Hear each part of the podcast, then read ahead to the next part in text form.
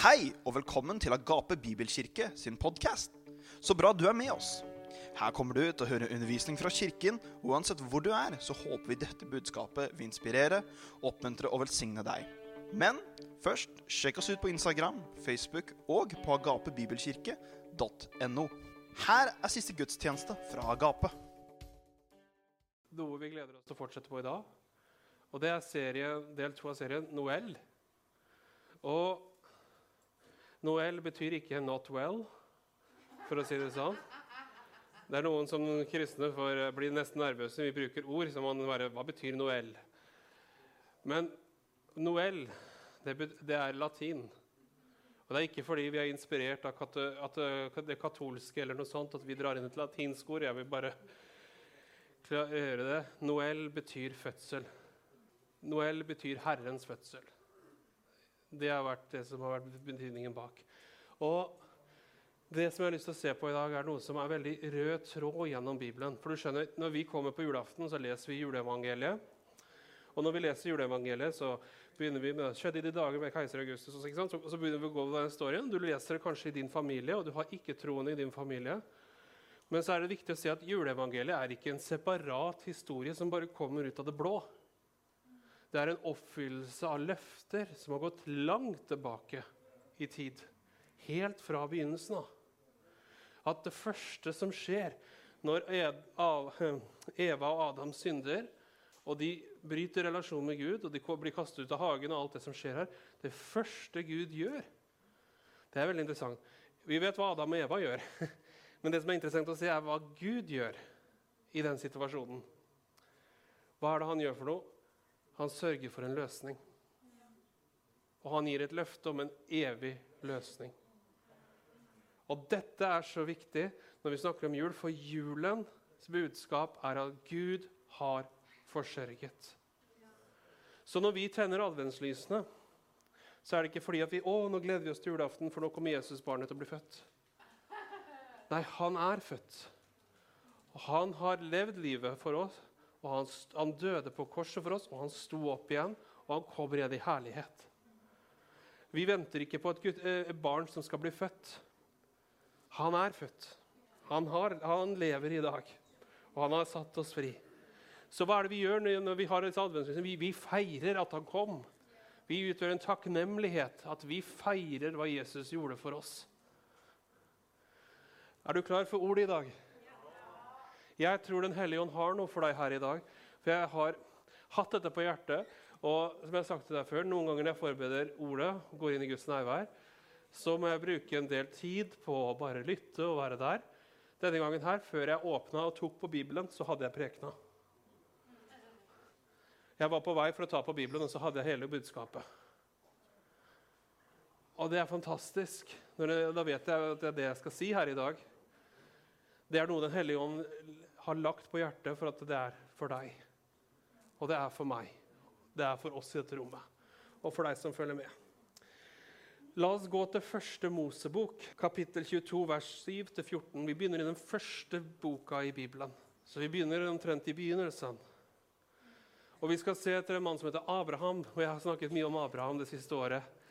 Og, men det som er veldig viktig her, er at det går en linje tilbake. Og det som var vanlig i kulturen Abraham levde i Dette er veldig viktig. Det som var vanlig i denne kulturen, det var at hvis du tilba en gud, så måtte du ofre din førstefødte sønn. Det høres ganske drastisk ut her. Så det første barnet du fikk, det måtte du ofre til den guden du tilba. Det var systemet på den tiden. Igjen, Ingenting i Bibelen er tilfeldig eller kommer ut av det blå. Så Abraham gjør det som han, han blir testet på her. Og Gud utfordrer ham, og sier Abraham, er du villig til å ofre Isak for meg? Elsker du meg like mye som alle disse, disse som ikke kjenner meg, elsker sine avguder? Er du villig til å gjøre det samme for meg, Abraham? tar med seg Isak, sin eneste sønn med Sara. Han hadde en sønn til Ismael, men han tar med seg Isak, som han har fått gjennom sin kone Sara. Og de setter veien tre dagers ferd til Moriafjell. Og på veien så er det viktig å forstå at Isak er ikke en baby. Isak er ikke i barnehagen. Han er ikke på førsteåren. Isak er, Ifølge bibeltradisjonen så er Isak 30 år. Og vet du Hvorfor er det så viktig at han er 30 år? For jødisk myndighetsalder er den alderen. Du blir mann når du er i tenårene, men du er fortsatt under familien din. Derfor, så Når Jesus står fram når han er 30 år, så er det fordi at da er, kan han endelig gå ut. Så han ærer sine foreldre. Forstår meg? Ja, Gud er hans far, men Maria er hans mor, og Josef er der. Men Jesus ærer sin familie. Og når Jesus er 30, så går han ut i tjeneste. Isak blir 30, for det blir Isaks valg. Dette er veldig viktig. Så du har Abraham, som er far, som er villig til å legge det livet for sin sønn. Og så har du Isak, som er sønn, som er villig til å legge ned sitt liv for sin familie. Dette er evangeliet, hva Jesus gjorde for oss. Men det som er veldig viktig her, er at Abraham trodde dette. Og jeg har prekt dette før. Men hva trodde Abraham som gjorde at Gud kunne si at du er rettferdig og min venn? Var det bare at han trodde at Gud eksisterer? Mange sier det. Hvis du tror at Gud eksisterer, så blir du frelst. Nei, det er ikke riktig. For djevelen tror at Gud eksisterer, og han er ikke frelst. Må, hva er det vi må tro på? At Gud er en god Gud. Til og med djevelen vet at Gud er god. At Gud er rettferdig. Ja, men til og med djevelen vet at han er rettferdig. Så hva trodde Abraham som gjorde at Gud kunne si, 'Abraham, du er rettferdig'? La oss lese. Men Isak talte til sin far Abraham og sa, og sa, 'Min far', han svarte, 'Her er jeg, min sønn'. Så spurte han, 'Se ilden og veden, men hvor er lammet til brennofferet?' Abraham sa, 'Min sønn, Gud vil selv utse for seg lammet til brennofferet.' Så gikk de to sammen. Da kom de til stedet som Gud hadde sagt til han, og der bygde Abraham et alter og la veden på plass. Så bandt han sin sønn Isak og la ham på alteret. Oppå veden, og Abraham rakte ut hånden og tok kniven for å ofre sin sønn. Men Herrens engel ropte til ham fra himmelen og sa, 'Abraham, Abraham!' Og han svarte, 'Her er jeg.' Han sa, 'Legg ikke hånd på gutten eller gjør ham noe.' For nå vet jeg at du frykter Gud, siden du ikke sparte din, eh, din sønn, din enbårne, fra meg. Da løftet Abraham blikket, og der bak ham så han en vær som satt fast i krattet med hornene. Da gikk Abraham bort, tok væren og ofret den som brennoffer i stedet for sin sønn. Abraham kalte dette stedet 'Herren forsørger'. Som det blir sagt i denne dag, på, på fjellet Herren blir sett. Så la meg starte her. Abraham, hva trodde Abraham? Nå, nå tar jeg en litt forkorta. Hvis du vil høre hele forklaringen bak, gå og hør på paktundervisningen. Da går jeg i detalj på det her. Men hvorfor er dette viktig? Fordi det danner grunnlaget for det vi kommer til. Så hva trodde Abraham? Han trodde at Gud ville utse et offer. Og hvis Isak ble ofret, så trodde Abraham at Gud var mektig til å reise han opp fra de døde. Dette, det ser du i historien. Så Abraham tror på evangeliet før det har skjedd. Og dette er den tro som gjør rettferdig. Derfor blir Abraham kalt rettferdig og Guds venn. Men hva er det Abraham sier til Isak? Gud vil selv utse sitt offer. Abraham stoler 100% på Gud. Og Derfor så kaller Abraham stedet 'Herren forsørger'. Moria berg er der Jesus ble korsfestet for våre synder. Det stedet Abraham kalte 'Herren forsørger'. Wow! Det syns iallfall jeg er sterkt. Og der begynner denne storyen. Fordi når vi går da tusener av år fram i tid, og Jesus bærer sitt kors opp på Golgata, så er det på Moriaberg der Herren forsørger. La, henger du med meg så langt? Vi hopper rett inn i dette i dag. Så når Herren gir oss et offer, så er det fordi at det er en som skal dø for oss. Som skal ta våre synder som skal ta våre sykdommer, som skal ta våre plager. Alt det vi har, blir lagt på denne som skal gå og dø for oss. I Bibelen et syndeoffer var gjort som en avtale at du la syndene dine på offeret, og offeret døde i ditt sted. Gud vet det, at én må betale for synden. Og hvorfor trenger Jesus å bli et menneske? Fordi det var et menneske som gjorde synd, må et menneske betale for synden. Derfor blir Gud menneske. Henger du med meg her i dag? For kunne ikke bare Gud kommet ned og sagt til djevelen Surprise! Overraskelse, nå er du ferdig. Han kunne bare vipa ut djevelen og starta på nytt. Nei, Gud, han, han respekterer alltid retten. Han er ordens Gud. Han er rettferdighetens Gud. Han står for sannhet. Gud tar ingen krokveier. så vet at Gud sier 'Jeg elsker disse folka så høyt'. Så da må jeg sørge for en løsning. Jeg selv blir menneske. Sånn kan jeg ta makten tilbake. Sånn kan jeg ta til oppgjør med synden. Sånn kan jeg ta djevelens innflytelse på deres liv vekk. Det er evangeliet. Så da Jesus, så du vet, du hører i kirken så her, så, å, så fint, nå gledes julefrokost. Da blir Jesusbarnet født. Og så er det et lite, søtt barn. Det var offeret som ble født. Det var Jesus, akkurat som Abraham er faderen og sender Isak til å dø. Og Isak sier, 'Jeg legger ned mitt liv for familien'. På samme måte så sier Jesus, 'Blod av, blod av dyr og lam, det ville du ikke ha.' 'Men se, en kropp har du beredt for meg.' Se, det står, jeg kommer. Det står skrevet om meg i bokrullen. Ikke for å gjøre min egen, men for å gjøre din vilje, Gud. Dette er Hebrebrevet kapittel 9 og 10. Snakker om nettopp dette, at Jesus har kommet inn i verden. Det var ikke sånn at Jesus begynte å eksistere. Nei, det er Gud som kommer og kler på seg en kropp. Fordi han vet noen må dø for synden. Noen må ofres. Og jeg vil ikke ofre menneskeheten, sier han. Så derfor så kommer jeg. Det er evangeliet. Er ikke det fantastiske nyheter? Og dette er de gode nyhetene. Så når Jesus kommer og blir født i en stall Hvorfor blir han født i den stillingen? For han identifiserer seg med alle i dette rommet. Han er, kommer inn for vår skyld. La oss lese et, jeg, vil ta noen skriftsteder her som peker fram til det. Er du med meg fortsatt? Profeten Jesaja 9, 1-7. Mørket skal ikke bli værende over landet som er i trengsel. Slik han tidligere førte vanære over Sebulun og Naftali-landet, for heretter skal han gi ære til veien ved havet bortfor Jordan, hedningenes Galilea. Det folket som vandrer i mørket, får se et stort lys. Over dem som bor i dødsskyggens land, så stråler lyset fram. Du gjør folket tallrikt, du gjør gleden stor. De gleder seg for ditt ansikt, slik en gleder seg under innhøstningen, som en fryder seg når de deler ut bytte. For åket som tynget han, staven over hans skulder, og kjeppen til han som drev ham, har du brutt i stykker. Som på Midians dag, for hver støvel soldaten har trampet, og kappen som har dynket i blod, skal brukes til brensel, til å fortæres av ilden. For et barn er oss født, en sønn er oss gitt. Herredømmet er på hans skulder. Hans navn skal være under, rådgiver, mektig Gud, evig far og fredsfyrste. Herredømmet skal bre seg vidt, og freden skal være uten ende over Davids trone, over hans kongerike. Han skal grunnfeste det og holde oppe ved rett og rettferdighet, fra nå av og til evig tid. Herskarenes Herres nidkjærhet skal gjøre dette. Dette er et konkret løfte som peker rett fram til at Jesus kommer. Et barn er oss gitt, en sønn er oss gitt. Ikke sant? Og dette er så fantastisk, for hvis du leser i forhold, så står det at landet er i mørke. Og lyset stråler fram. Urettferdigheten er der, men rettferdigheten kommer. Det vil si at Gud tillater ikke at verden ligger i det onde. Han har en løsning for det.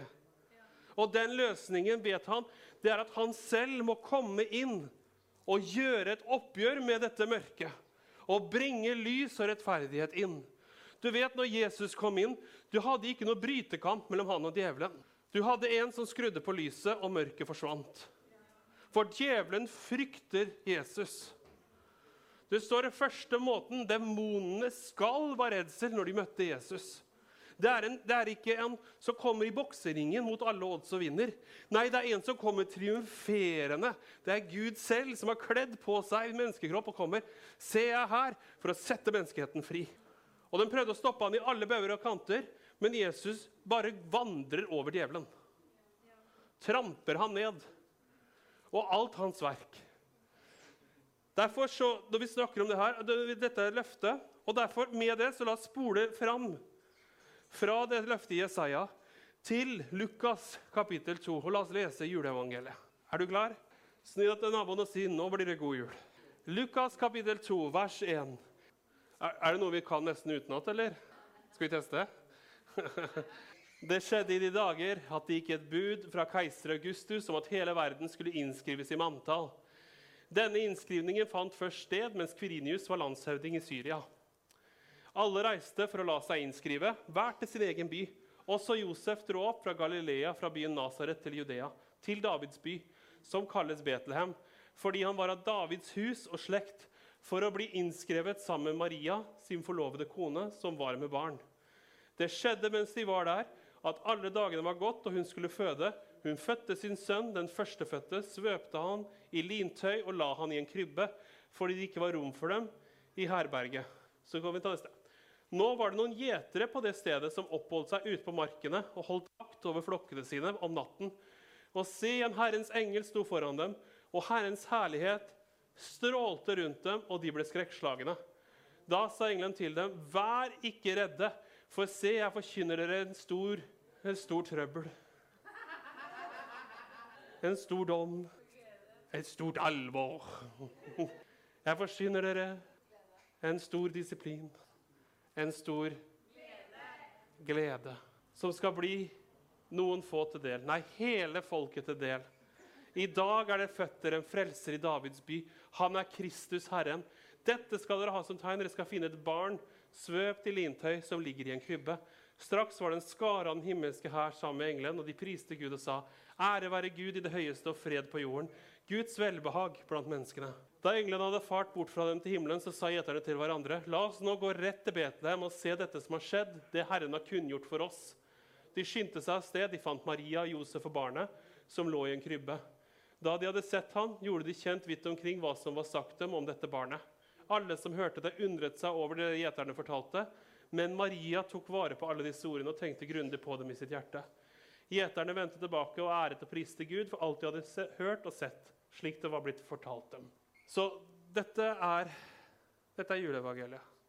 Det jeg har lyst til at du legger merke til først, er det står at dette var mørket på kvelden, og gjeterne var ute på marken. Det første de ser, er et lys som skinner. Husker du profetien fra Jesaja? At lyset skulle stråle fram, og et barn er hos født, en sønn er hos gitt. Gud er så konkret at når han sier noe, så oppfyller han det akkurat på den måten. Og Herrens herlighet skinner over dem. Og så sier, sier englene til gjeterne i dag er det født en frelser i Davids by. En stor glede for hele folket å få del. Og så kommer engleskaren. og Bare heng med meg nå, for det er noe veldig vakkert her. skjønner du. Englene står fram og sier, 'Ære være Gud i det høyeste', og hans navn skal være under, rådgiver, mektig Gud, evig far og fredsfyrste. Og fred på jorden. Ordet fred, hva betyr det? Er det bare kona mi som vet det, altså, etter å ha prekt det her så mange søndager i Agape? Shalom, som på hebraisk betyr å bli gjort hel. Så hva er det Gud sier til menneskene? Hva han sier til gjeterne? Gud har kommet for å gjøre dere hele. Gud har kommet for å gjøre deg hel. Og han gjør deg hel fordi han har behag. Og Det er et sånn ord vi ikke bruker så mye. Hva er behag? Det betyr at Gud gleder seg. Han, på engelsk vil du si 'he delights'. Han fryder seg. Alt som er i hans, gleder seg over menneskene. Nå forstår du motivasjonen hans med Abraham og Isak. At Gud sier 'jeg vil ikke ofre disse her'. Så som han viser Abraham og Isak 'jeg selv skal komme og sette de alle fri'. Fordi jeg elsker menneskene jeg har skapt. Det er budskapet i jula. At Gud forberedte en kropp for seg som han kledde på, og Jesus skal bære den i all evighet for vår skyld. Når Jesus har dødd for oss og stått opp Du kunne tenke på det, Han fikk en herlighetskropp og alt det, men i den herlighetskroppen så har han fortsatt merkene på sine hender og føtter. For hver eneste dag så vitner han 'Jeg har kjøpt de fri'. Jeg har kjøpt de fri. Jeg elsker de. Dette løftet her er det vi kommer inn mot, mot jul og feirer. Og Det var en mann i Jerusalem som heter Simon. og Vi kan lese om han i neste nå. Han var rettferdig og gudfryktig og ventet på Israels trøst. Altså Han ventet på Messias. Han venta på frelseren. Og Den hellige ånd var over ham, og det var blitt åpenbart for ham av Den hellige ånd at han ikke skulle dø før han hadde sett Herren Kristus. Så kom han ledet av ånden inn i tempelet. Da foreldrene førte barnet Jesus inn for å gjøre med han etter lovens skikk, tok han han i armene sine og lovet Gud og sa, 'Herre, nå kan du sette din tjener fri til å dra herfra i fred.' Han skulle ikke flytte fra Jerusalem. Han skulle, han skulle dø i fred. Det er det han sier. Etter ditt ord. For mine øyne har sett din frelse, som du har gjort ferdig for alle folks øyne. Et lys som gir åpenbaring for hedningfolkene, og en herlighet for ditt folk Israel. Wow! Ser du, Er ikke det det samme som englene fortalte gjeterne på marken? Evangeliet, det er for Du vet, Vi synger sangen 'Kristus og han korsfestet'. Hadde det vært Laura som var prekt, så hadde hun sunget nå.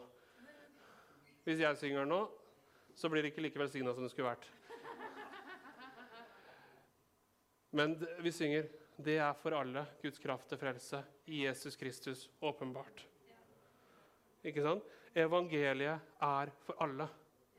Og hvorfor er dette så viktig å få fram i dag? Jo, fordi det betyr at Jesus har betalt for alle som vil. Alle som vil ta imot ham, har rettferdighet. Alle som vil ta imot ham, har glede i ham. Alle som vil ta imot ham, har frihet. Alle som tar imot ham, har hans liv. Jesus kom inn i denne verden ikke for å fortelle bare hvordan vi skulle leve. Han kom for å sette oss fri fra det vi levde under. Det som tok livet av oss, synden. Jesus satte oss fri fra alt dette. Og Gud kom, han kledde på seg en kropp, og han gikk der og sa, 'Jeg tar Lauras synd. Jeg tar Øyvinds synd. Jeg tar Annas synd. Jeg tar din synd. Jeg tar alle på meg, i går og i dag og i all evighet.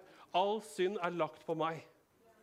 Du vet at folk i dag blir ikke dømt fordi at de har gjort en synd. De blir dømt hva de har gjort med sønnen. Den som har sønnen, har livet. Den som ikke har sønnen, har ikke livet. Altså Det er Jesus som er forskjellen, fordi all synd er sonet. Det betyr ikke at vi skal leve i synd, for synd skader oss. Men fra Guds side han har allerede sørget for en løsning for denne synden én gang for alle. Og han elsker oss så høyt. Han tok alt på deg. Hvorfor er dette så viktig å få fram? For hvordan vi behandler den forsørgelsen, avgjør hvordan vi lever. Hvordan du ber. Hvis du hele tiden tror at Gud ikke har forsørget, så vil du be som følgende på den måten her. Å, Herre, hvis du bare ville hjelpe meg. Eller hvis du bare hadde lyst til å gi meg det. Eller hvis du bare kunne gjort det. Alt vi ber, burde peke tilbake til korset. Fordi jeg vet, Herre Hvordan ba Jesus? Han sa, 'Å, Gud, kom med ditt nærvær. Hjelp meg i dag.' Å! ba Jesus sånn. Kom igjen, disipler. Det var ikke nok nærvær i går. Nå må vi be. Kom igjen! Vamos! Be! Orale! Vamos! Ikke vær flau nå. Jeg skammer meg ikke over evangeliet. Det er Guds kraft til frelse. Gjorde Jesus det? Hva gjorde Jesus? Herre, takk for at du Nei, han sa ikke det engang. Hva var det han sa for noe? Far. Far, takk for at du hører meg, og for at du alltid hører meg. For de menneskene som står og ser på nå, ber jeg. Han visste at Gud var der. Vi får et løfte i Matteus 28. Ikke om at Gud skal følge oss i visse dager. Det står at han skal være med oss alle dager.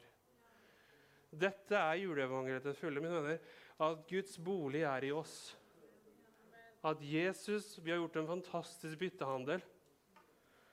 Og det er det vi snakker om her. Hans navn er under. Det første englene møter, er et mirakel. Det er det første de møter. Det neste de møter, er, er evig Gud, far, freds, og så kommer det til fredsfyrste. Og englene proklamerer det ut og sier, 'Fred på jorden, Guds velbehag for alle'. Altså igjen, Gud sier det samme igjen og igjen og igjen. Husk, alle de gjeterne, ingen av de var frelst. Og englene står fram og sier, Ære være Gud i det høyeste, og fred på jorden. Guds velbehag blant de menneskene. Og ingen av dem er frelst. Gud forteller dette skal jeg gjøre. Jeg elsker de så, så høyt. Så, så høyt. Og Mange ganger så tror jeg vi glemmer å få fram det som er gleden i evangeliet. At Guds ord forkynner glede. Det forkynner glede. Og du, hvis du går i ordet på grunnteksten, så står det 'kilden til all glede'.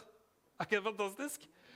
At det er ikke bare glede blant alle folk. Han sier 'kilden til all glede fra Gud'. Wow! Så all glede vi har, kommer gjennom Han.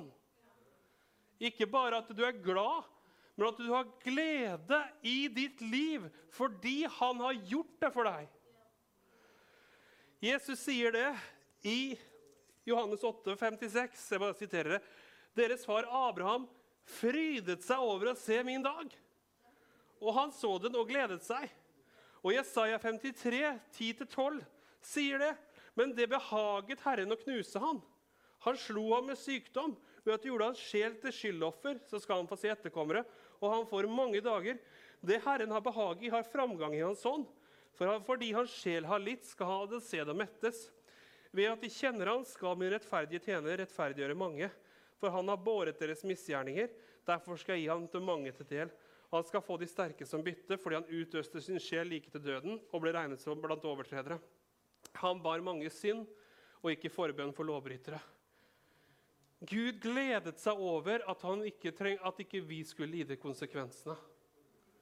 Så Gud gledet seg. Abraham gledet seg. Gleder du deg? Det hjelper hvis munnen går den veien. det er det beste som er. Og så tenker du så enkelt og banalt. Men hvorfor lever vi det ikke ut i våre liv? Jeg skal dele en story. Håper du kan tåle at jeg er litt personlig med deg. Men jula kan være en velsigna tid, men det kan også være en veldig tøff tid for mange.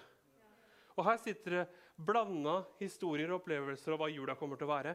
Noen av dere gleder dere til jul. Andre av dere syns kanskje det er mer vanskelig. Noen er redd for å være alene i jula. Andre føler at det er for mange i jula. Her er det mange forskjellige historier. For oss så gleder vi oss til jul. Men jeg har lyst til å dele en historie. Det er eh, 14 år siden nå. Jeg vet du begynner å bli eldre når du kan begynne å si sånn 14 og 15 år siden. Men det, de årene det var veldig, de var veldig tøffe år. For i 2009 så døde søsteren min. Og det var første jula vi skulle ha uten henne. Året etter så døde bestemor. Og bare et par år før det så var det bestefar. Og noen år før det så var det enda noen. Vi, vi gikk fra tolv stykk rundt julebordet til å være tre personer på under et tiår. Det var knalltøft, og mange syns kanskje det. Og så husker jeg midt oppi alt det var en sånn sorg, og mange sitter i den sorgen. Og jeg husker jeg satt der og liksom, Gud, hva, hva skjer? Jula som var liksom assosiert med familie, med fellesskap i familien og glede, ble plutselig veldig fattig. Og ikke misforstå, jeg er veldig glad i foreldrene mine. Men det var så lett å begynne å tenke på alt som ble tatt ifra oss. Og derfor så, midt oppi alt det, så husker jeg at jeg hadde et valg å ta. Og vi hadde et valg å ta. Vi kan bli bitre for hva vi føler vi mister. Eller så kan jeg få Guds perspektiv på dette. Og det Vi gjorde, vi begynte å feire selv om vi var tre i familien. Og vi feira, og vi inviterte andre inn. Og Det var før, lenge før jeg møtte Laura. det her. Men jeg, det begynner med et valg. Hvis du alltid velger å si hva livet har gjort med meg Jeg har alltid hatt en grunn til å sitte der og si livet mitt har gjort med meg. Jeg har plaga med sykdom, jeg har mista familiemedlemmer nær meg, jeg mista søsteren og jeg mista broren min. Det vil alltid være en grunn til å finne en grunn til å gå i fortvilelse. Det gir ikke meg rett til å gjøre det. Fordi Gud er fortsatt ikke ferdig med meg. Fordi Gud er fortsatt ikke ferdig med vår familie. Fordi at Gud er fortsatt ikke ferdig, så kan ikke jeg rett til å si at jeg er ferdig. Så hva måtte jeg gjøre for noe? Jeg måtte begynne å få jula til å handle om han, og mindre om meg. Og jeg kunne sagt stakkars meg, jeg har ikke noen. Og ikke misforstå, jeg tråkker ikke på deg nå, men jeg sier hvis du tar det agnet og går inn i fortvilelse, så kommer livet ditt til å bare gå ned. Livet mitt hadde, hadde ikke vært i dag, hadde jeg gått inn i denne fella. Hadde jeg gått i denne fella, hadde jeg ikke vært pastor i dag. Derfor er det så viktig at vi går tilbake til hva er det det handler om. Jeg fikk identiteten min ikke i alt som har skjedd med oss. Så jeg fikk identiteten min i hvem han er, og hva han har gjort for meg. Dette er så viktig å få i denne tida. Jeg vet at det er tøft for noen å høre. Fordi det er så lett å tenke ja, men det var så vondt, det som skjedde. Ikke misforstå. Det var det. Men Gud er ikke ferdig med deg. Så lenge vi er i denne verden, så lenge det er sånn I vår familie det var en del som var eldre enn oss, og derfor så noen av dem døde naturlig. Og så var det søsteren min, og det var tragisk. Det var ikke Guds vilje. Men hvis jeg avskriver meg selv, hvis jeg griper om tragediene og gjør det til mitt liv, så vil det ødelegge meg. Og det vil ødelegge for det Gud har for mitt liv. Derfor er det så viktig gå til hva evangeliet sier. I midt i alt sammen så kunne jeg faktisk finne glede. Fordi min kilde til glede er ikke min opplevelse. Min kilde til glede er Han. Og jeg lærte det i den tiden. Derfor, uansett hva som skjer, ingenting stjeler min glede. I dag Jeg tenkte på det og tenkte på de siste ukene. I år på julaften så er vi over Jeg tror vi er i hvert fall over 10-11 stykker. Og Gud, han er så god. Og jeg satt og tenkte tilbake, Den jula vi hadde, den omtrent ingen. Og i år så skal vi være mange. Og det er Guds nåde og godhet. Men du vet at mange i dette rommet her har kanskje ikke en fysisk familie å være med, men du har en åndelig familie å være med. Men det, ikke la tragedien ødelegge deg, for Gud har så mye mer for deg. Han elsker deg, og han betalte for deg. Og han har betalt for de menneskene han vil sende i din vei.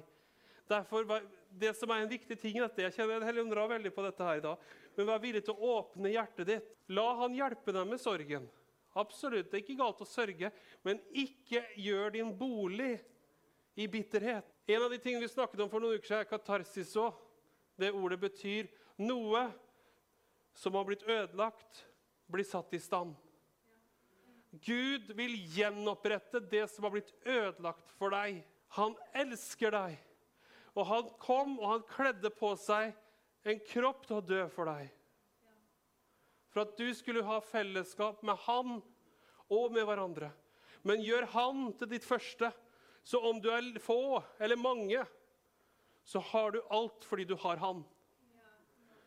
Jeg kjenner folk som har store familier, og de klarer ikke å være enige om noe. De bare krangler og slåss med hverandre. Hvorfor? De har antallet, de har alle forutsetninger. Hvorfor går det ikke? Fordi de har ikke han. Du må ha han. Fordi det er han det handler om. Og har du ikke han, så er det ikke liv. Jeg er litt skarp her nå. Men det er viktig hva jula faktisk handler om.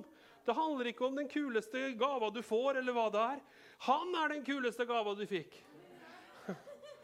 Come on! Jula, Jeg gleder meg hvert år til jul. Jeg gleder meg hvert år til jul. Jeg gleder meg til datteren vår skal vokse opp med jul. Og jeg vil ikke la tragedie og død ødelegge noe som skal være til glede. Det er en tyv som ønsker det. Kan jeg lese et vers fra Johannes' åpenbaring? For vi snakker om fødsel her av Kristus. Johannes' åpenbaring. Og dette er, Nå tar jeg ting ut det her. Godt, vi tar en annen gang og går gjennom alt det her. Men nå viste det seg et stort tegn i himmelen. En kvinne som var kledd i, solen med månen under føttene sine.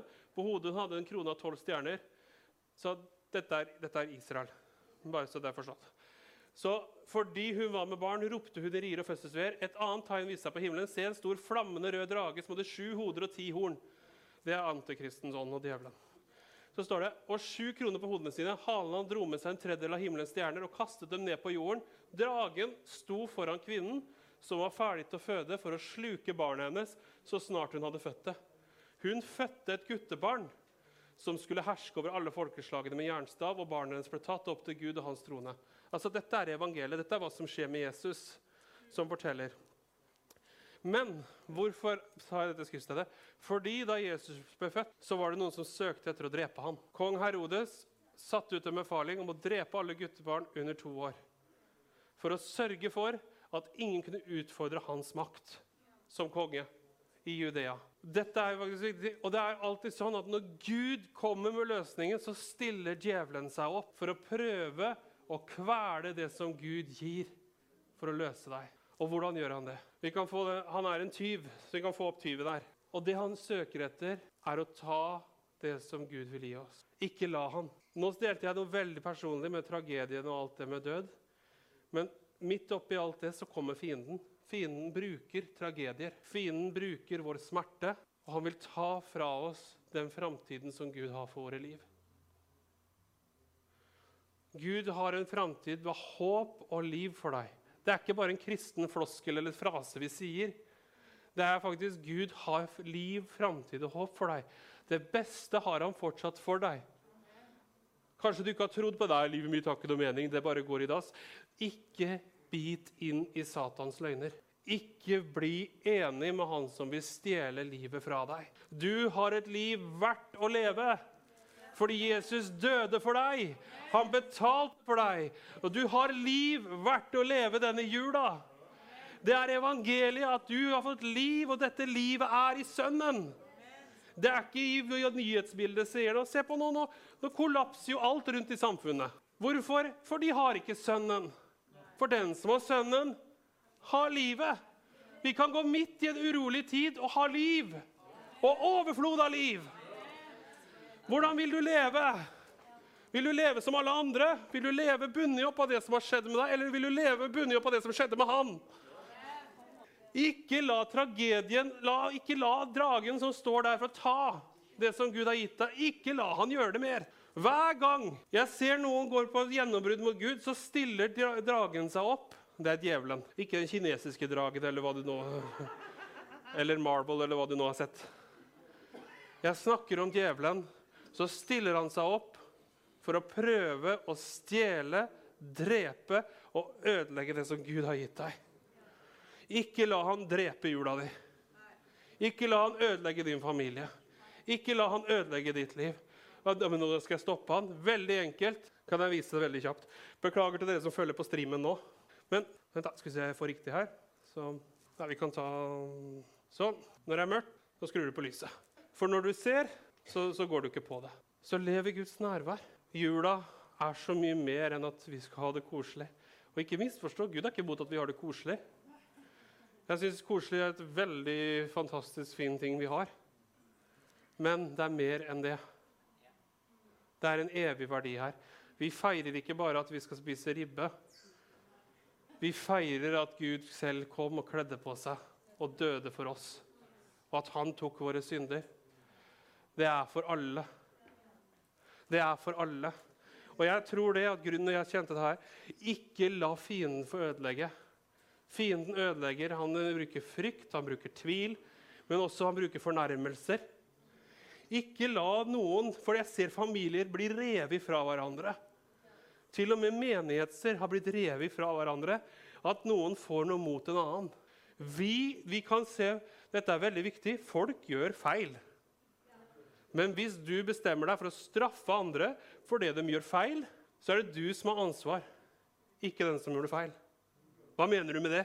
Nei, fordi du har ansvaret for hvordan du reagerer. Akkurat som jeg har ansvaret å ikke gjøre tragedien til mitt liv. Jeg, jeg er skarp her i dag. Men du skjønner, det som skjer med deg, er ditt ansvar. Altså Ikke at ting som skjer utenom, men det som skjer i hjertet ditt, er ditt ansvar.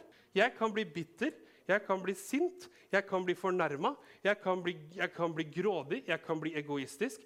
Alt det, Jeg kan skylde på hvem som helst. Jeg kan skylde, kan skylde på foreldrene mine. Ja, foreldrene mine gjorde meg sånn. Nei. Jeg ble sånn fordi jeg tillot det. Veldig, jeg er skarp her nå, men hvorfor er det? Fordi vi må få hensikten til hva som er viktig, tilbake. Husker du hva? En glede for alt folk. Det var kilden til all glede. Jeg har han! Og uansett hva du kaster på meg ha-ha-ha! Altså, come on! Jeg gleder meg han. Jeg lever ikke i mørket. Hva har mørket med meg å gjøre? Ingenting. Jeg er lysets barn. Jeg er satt til frihet. Jeg er i frihet. Er du der? Vil du leve der, eller vil du campe der? Mine venner, jeg sier at jeg kjenner Den hellige ånd vil sette folk fri. Ifra det å ta fiendens agn, akkurat som dragen har satt seg opp til å ta barnet som blir født, så har han satt seg opp for å prøve å rane ifra deg det som Gud vil for ditt liv. Jeg skal lande nå. Jeg kunne prekt dette her til Herren kommer. Det er ikke sikkert det er så lenge, så det kan være bare poff, så er det Men min venn, jeg kjenner Guds omsorg for oss. Ikke camp i hva folk har sagt, hva folk har gjort, hva du har opplevd. Vær så snill, ikke gjør det mot deg selv. Gud har bedre ting for deg. Tror du på det jeg deler med deg her nå? Jeg vet jeg har vært litt skarp i dag. Men det er ikke for å ta deg, men det er for å sette deg fri. For at du er ikke hva du var. Du er det han er. Fordi du er i han. Og fordi du er i han, så har du framtid og håp. Amen. Tusen takk for at du var med oss i dag. Vi vil gjerne høre fra deg og vite hvordan vi kan be for deg. Ta kontakt med oss enten via sosiale medier eller på nettsidene våre, så håper vi at vi ses ganske snart.